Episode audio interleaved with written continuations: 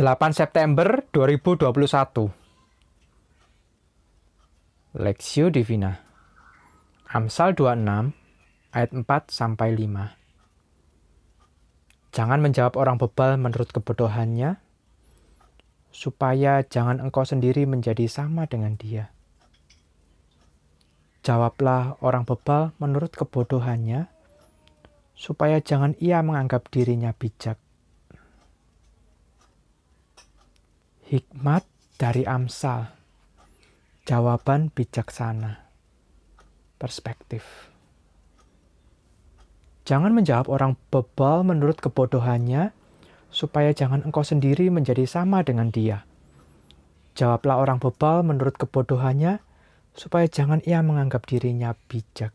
Amsal 26 ayat 4 sampai 5. Ketika bertemu dengan orang bodoh, maka pemikiran yang terlintas adalah orang tersebut masih bisa diubah dan diarahkan kembali ke jalan yang benar untuk mengatasi kebodohannya. Namun, apakah pikiran ini sama ketika bertemu dengan orang bebal? Orang bebal memang sering disamakan dengan orang bodoh. Tetapi kebodohan orang bebal adalah sering berpikir bahwa dirinya pandai karena ia tidak mau ditegur dan tidak mau menerima ajaran yang benar. Orang bebal terlalu sombong untuk mendengarkan orang lain karena merasa diri yang paling benar. Contoh sederhana adalah ketika ada dua orang jatuh ke dalam lubang yang sebenarnya sudah ada tanda peringatan di sana. Orang pertama adalah anak kecil yang belum bisa membaca, sehingga tidak heran jika dia jatuh ke lubang itu. Tetapi orang kedua adalah seorang dewasa yang sudah bisa membaca. Dia tahu ada tanda peringatan, namun dia tetap saja jatuh ke dalam lubang karena kebebalannya mengabaikan peringatan tersebut. Amsal 20 ayat 4 sampai 5 mengajarkan kita tentang cara menghadapi orang bebal. Nampaknya dua ayat ini seperti bertentangan.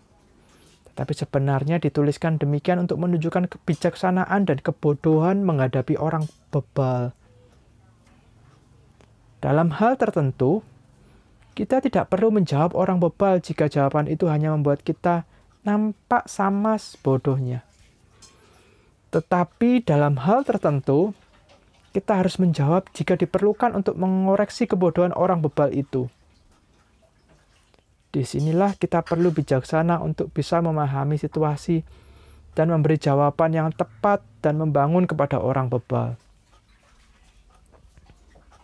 Melalui firman Tuhan ini, kita belajar bijaksana ketika berhadapan dengan orang bebal dengan tidak mengandalkan diri sendiri.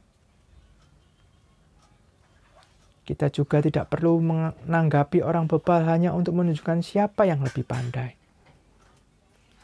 Sebaliknya, kita perlu memiliki pertimbangan yang baik dan tidak lalai jika memang harus memberi jawab kepada orang yang bebal. Maka kita perlu tenang dan dituntun oleh hikmat Tuhan untuk memberi jawaban yang tepat sehingga ada hal baik yang didapati melaluinya.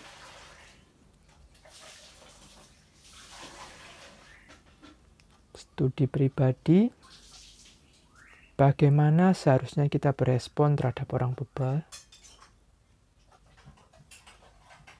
Apakah kata firman Tuhan mengenai jawaban yang bijaksana terhadap orang bebal?